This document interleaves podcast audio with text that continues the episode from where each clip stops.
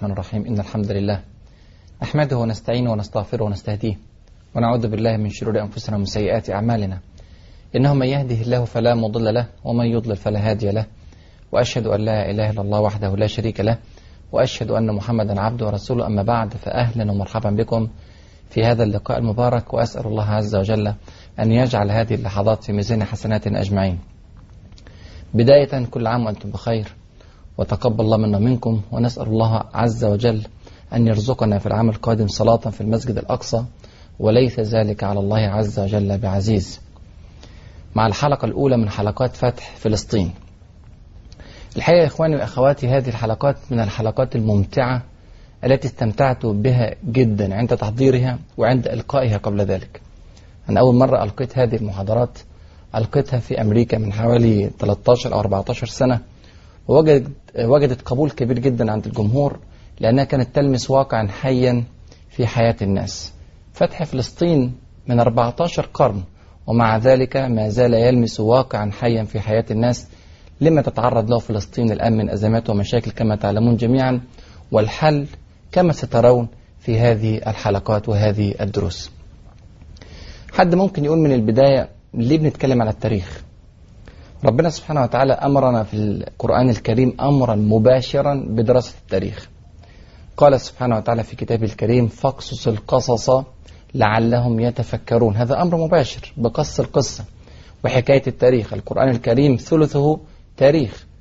ذكر لنا ربنا سبحانه وتعالى في هذا القرآن الكريم العظيم. ذكر قصص الأمم الغابرة. ذكر قصص الصالحين وقصص الطالحين. قصص الأنبياء والذين كذبوهم. قصص من قام وقصص من سقط. كل ذلك في صفحات هذا الكتاب المعجز ثلث القرآن الكريم تاريخ. مش معقول يكون هذا الاهتمام الكبير بهذا العنصر من عناصر التربية في هذا الكتاب الجليل من عند رب العالمين ثم يهمل المسلمون تاريخهم. يقول ربنا سبحانه وتعالى في كتابه الكريم قل سيروا في الأرض فانظروا كيف كان عاقبة الذين من قبل كان أكثرهم مشركين. الأمر بالسير في الأرض للنظر والتدبر والدراسة والعبرة جاء في القرآن الكريم 12 مرة. 12 مرة يذكر ربنا سبحانه وتعالى الأمر المباشر أن نسير في الأرض ونتدبر في قصص الذين سبقوا. القرآن الكريم أيضا ذكر أن هناك سنن لا تتبدل ولا تتغير. بها يحكم رب العالمين خلقه وبها يسير رب العالمين كونه. يقول ربنا سبحانه وتعالى فلن تجد لسنة الله تبديلا ولن تجد لسنة الله تحويلا. هذا المعنى تكرر كثيرا جدا في القرآن الكريم. وكلا نقص عليك من أنباء الرسل ما نثبت به فؤادك. بنعرف هذه السنن. كيف تقوم الأمم؟ وكيف تسقط الأمم؟ كيف تنصر الجيوش؟ وكيف تهزم الجيوش؟ كيف ينصر ربنا سبحانه وتعالى القلة على الكثرة؟ كيف نخرج من أزماتنا؟ كيف نخرج من مشاكلنا؟ كل هذا يدور بسنن ثوابت ثبتها ربنا سبحانه وتعالى رحمة منه بخلقه ورحمة منه بالمؤمنين الذين يصدقون بهذا الكتاب. قراءة التاريخ ودراسة القصص السابقة ترسم لنا بوضوح هذه السنن الواضحة في كتاب ربنا. قد تكون السنة في نظرنا أمرا نظريا غير واقعي لكن عند دراسة التاريخ يتبين لنا أنها من الأمور الواقعية تماما. على سبيل المثال يقول ربنا سبحانه وتعالى كم من فئة قليلة غلبت فئة كثيرة بإذن الله والله مع الصابرين. هذه سنة من سنن رب العالمين سبحانه وتعالى. قد يتعجب يتعجب لها الناس. يستغربونها. يقولون كيف يمكن للعدد القليل أن ينتصر على العدد الكبير. اقرأ التاريخ. في التاريخ ولعل في حلقاتنا نتعرض لأكثر من موقف من هذه الصورة. نجد دوما أن العدد القليل المؤمن الصابر ينتصر على العدد الكثير الم... الكافر أو الفاجر. وهذا أمر ليس بصورة عابرة ليس مرة أو مرتين ولكن في كل مراحل التاريخ الإسلامي رأيناه. رأيناه في الجزيرة العربية في عهد حبيبنا صلى الله عليه وسلم رأيناه في الفتوح الإسلامية رأيناه في حركة التاريخ مع نور الدين محمود مع صلاح الدين الأيوبي مع طارق بن زياد مع يوسف بن تشفين في كل مراحل التاريخ الإسلامي هذه سنة ثابتة. من أين عرفناها؟ عرفناها من كتاب ربنا من سنة حبيبنا صلى الله عليه وسلم ومن قراءة التاريخ. الأمم كلها يا إخواني وأخواتي تسعى لتعظيم تاريخها أيا كان هذا التاريخ. أنا زرت في أسبانيا أحد المتاحف فيه تمثال. تمثال لمن؟ لأحد السفاحين في تاريخ أسبانيا. سفاح قتل 30 ألف للأسف الشديد 30 ألف مسلم. 30 ألف مسلم مدني. ومع ذلك يقيمون له تمثالا يزورون التاريخ. زرت في أمريكا متحف للقراصنة. القراصنة والإنتاج الذي يعني حصلوه والسرقات التي حصلوها على مدار سنوات طويلة وصور القراصنة وما أنتجوه من فتوح ومن معارك ومن مجازر في حياتهم. لماذا تبحث الأمم عن أي شيء يجمل تاريخها؟ لأن تعلم أن التاريخ هذا عبرة للأجيال وعبرة للمستقبل. لذلك تبرز ما كان منها من تاريخ سواء كان سيئا تزوره حتى تظهره بصورة جميلة أو كان منها جميلا على الأصل. هذا متكرر في كل البلاد في كل العالم. أين المسلمون من تاريخهم؟ أين نحن من تاريخنا العظيم الجليل؟ نحن نتكلم في هذه الحلقات مثلا عن طريق فتح فلسطين أو عن فتح الشام بشكل عام. أين المسلمون من هذا الفتح العظيم؟ ماذا يعرف المسلمون عن أهداف الفتح الإسلامي؟ لماذا تحركت جيوش المسلمين من الجزيرة العربية إلى أرض العراق وإلى أرض الشام وإلى أرض مصر وإلى أرض شمال أفريقيا؟ ما الهدف من هذه الفتوح؟ من هو أبو بكر الصديق رضي الله عنه وأرضاه الذي أخذ قرارا بفتح الشام وفتح العراق؟ الشام في ذلك الوقت كانت مملوكة أو تحت حكم الدولة الرومانية. كيف استطاع الصديق رضي الله عنه وأرضاه أن يأخذ قرارا بحرب القطب الأول في العالم. وكيف استطاع أن يأخذ قرارا بحرب الدولة الفارسية؟ القطب الثاني في العالم. دولتان تقتسمان العالم في ذلك الوقت. كيف استطاع الصديق أن يأخذ هذا القرار؟ كيف تحركت الجيوش؟ ما هي المعارك التي دارت على هذه الأرض الخالدة والأرض المباركة؟ ما هي أجنادين؟ ما هي بيسان؟ ما هي اليرموك؟ ما هو فتح القدس؟ ما هو فتح دمشق وحمص وحلب وغيرها؟ من بلاد الشام. هذه كلها تفصيلات في منتهى الدقة وفي منتهى الأهمية ولن يستطيع المسلمون أن يصلوا إلى مرادهم بغير دراسة هذه الأسباب. من هو أبو بكر الصديق شخصيا؟ من هو عمر بن الخطاب؟ من هو خالد بن الوليد رضي الله عنه وأرضاه؟ من هو أبو عبيدة؟ من هو شرحبيل بن حسنة؟ يزيد ابن أبي سفيان؟ عمرو بن العاص؟ أعلام الفتح الإسلامي. من هم؟ كيف كانت حياتهم؟ وكيف كانت طريقتهم في هذا الفتح العظيم. وأهم من كل ذلك ما هي عوامل النصر وعوامل الهزيمة؟ كيف تحقق للمسلمين النصر بأعداد قليلة على الجيش الروماني بأعداده الرهيبة وبقوته العظيمة وبتاريخه الطويل في المعارك العسكرية؟ كيف تحقق هذا النصر؟ وإذا وقعت للمسلمين هزيمة كيف وقعت هذه الهزيمة وما أسبابها؟ هذا السبب الذي من ورائه ندرس التاريخ. أين المسلمون من هذا التاريخ؟ للأسف الشديد التاريخ الإسلامي يا إخواني كتب بأيد غير إسلامية ولذلك شوهت الكثير والكثير من معالمه وهذا دورنا في هذه الحلقات أن نعيد قراءة التاريخ الإسلامي بعيون إسلامية وبفكر إسلامي وبمنطق ومنهج إسلامي. لماذا فتح فلسطين بالذات؟ لماذا نبدأ في تقليب هذه الصفحة أو في فتح هذه الصفحة العظيمة فتح قصة فلسطين. أولا يا إخواني وهذا من أهم الأشياء أن فتح فلسطين هو الذي يثبت لنا الصك الرسمي الذي نمتلك به أرض فلسطين. لماذا نقول أن أرض فلسطين أرضا إسلامية؟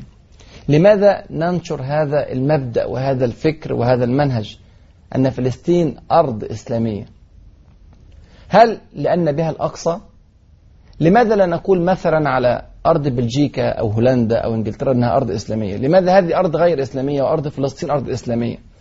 إن ارتبط الأمر فقط بوجود المسجد الأقصى فما أقل البلاد الإسلامية في العالم. ما عندنا غير مكة والمدينة والمسجد الأقصى في القدس الذي هو له علامة مميزة في تاريخ الأمة الإسلامية. لكن الأرض الإسلامية أوسع من ذلك بكثير.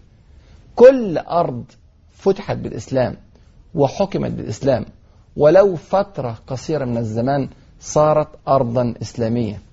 هذه الأرض الإسلامية يا إخواني وأخواتي وجب على المسلمين تحريرها إن سقط تحت أي احتلال. هذا ديننا وهذا شرعنا. باب كبير جدا في الفقه اسمه باب الأرض المغنومة. الأرض التي احتلها الأرض التي حكمها المسلمون في يوم من الأيام صارت بذلك أرضا إسلامية. إذا احتلت هذه الأرض وجب على المسلمين تحريرها. هذا لعله أول عناصر وأهم عنصر من عناصر دراستنا لقصة فلسطين وهناك عناصر أخرى كثيرة نتعرف عليها بعد الفاصل. أسأل الله عز وجل أن يتقبل منا ومنكم. وابقوا معنا. السلام عليكم. بسم الله الحمد لله والصلاة والسلام على رسول الله. قبل الفاصل اتكلمنا على أهمية التاريخ الإسلامي بشكل عام واتكلمنا على أهمية قصة فلسطين بشكل خاص. واتكلمنا على أن دراسة تاريخ فتح فلسطين هو الصك الرسمي اللي بيمتلك به المسلمون أرض فلسطين.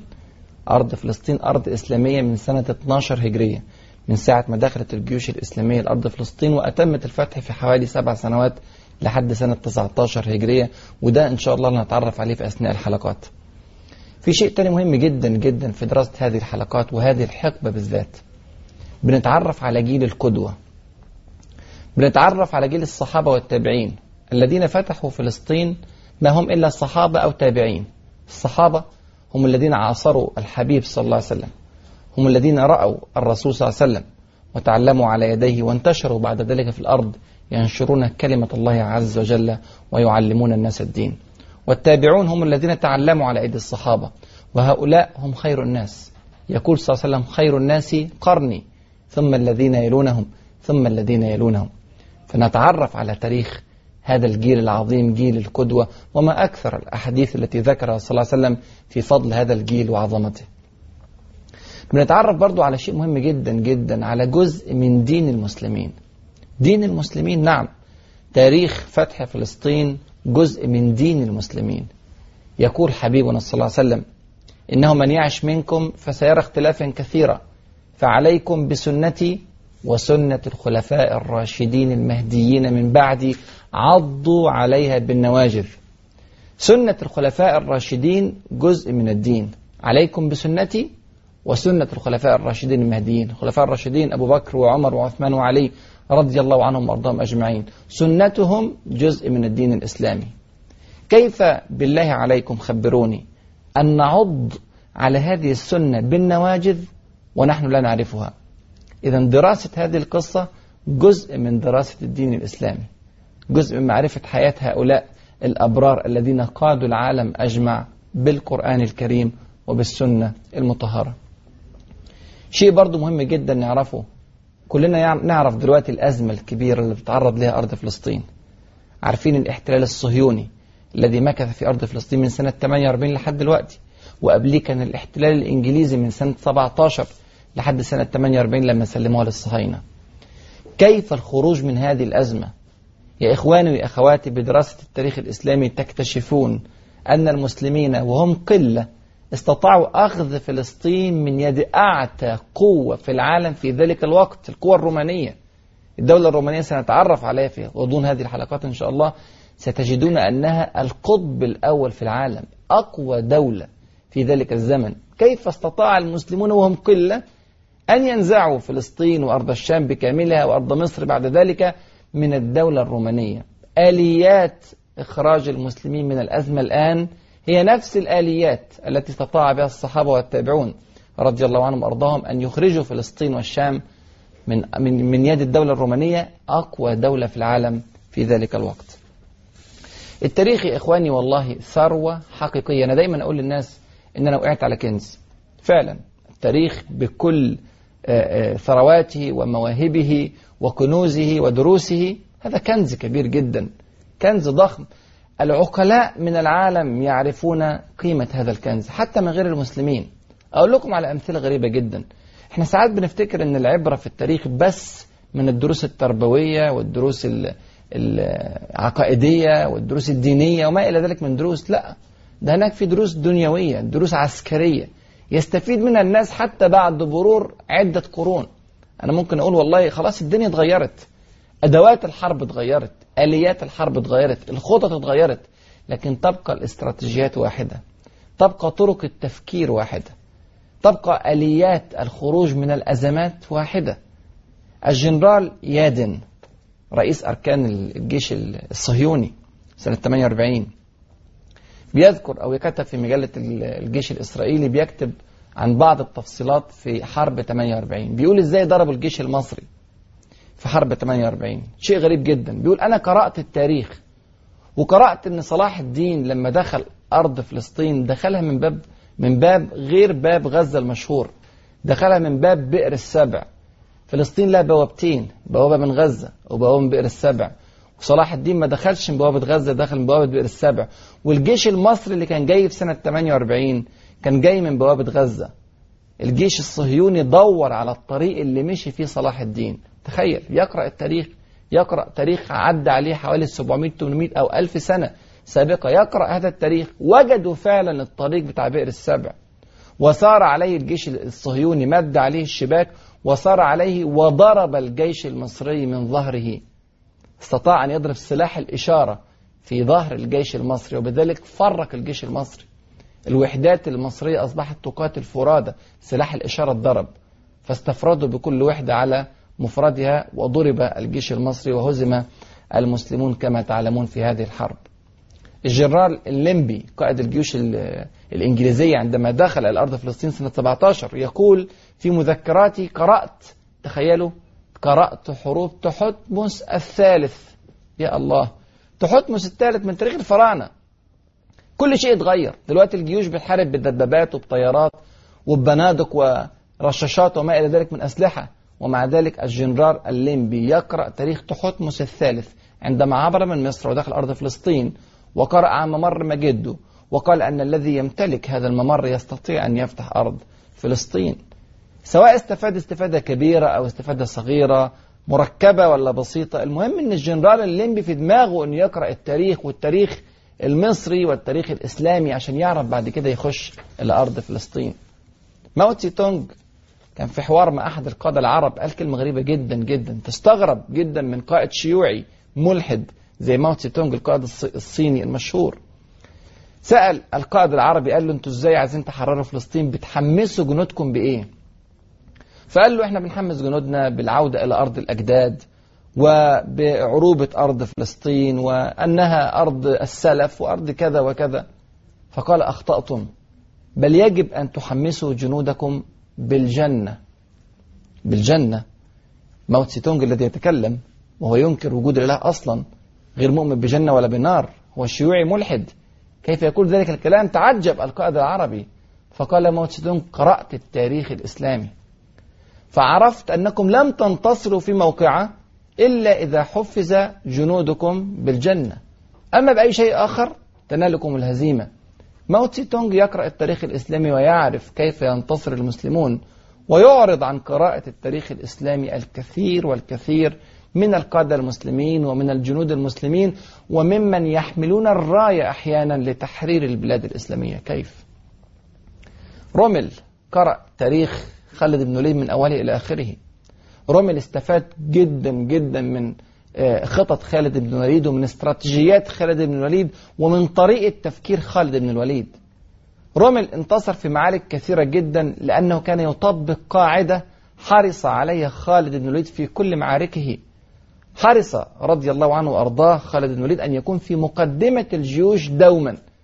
فكان يلتقط دائما الثغرات في صف العدو ويستغل الثغرات بأسرع ما يكون. لو كان يقاتل في المؤخرة إلى أن تصله الأخبار تكون ضاعت الفرصة.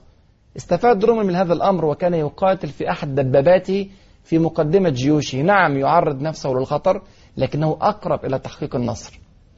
رومل في موقعته المشهورة مع مونتجومري في العالمين استطاع أن يحقق الانتصار الأولي لأنه كان يطبق خطة خالد ويقف في مقدمة دباباته استطاع أن يحقق الانتصار على الإنجليز. وتقدم وتقدم وتقدم.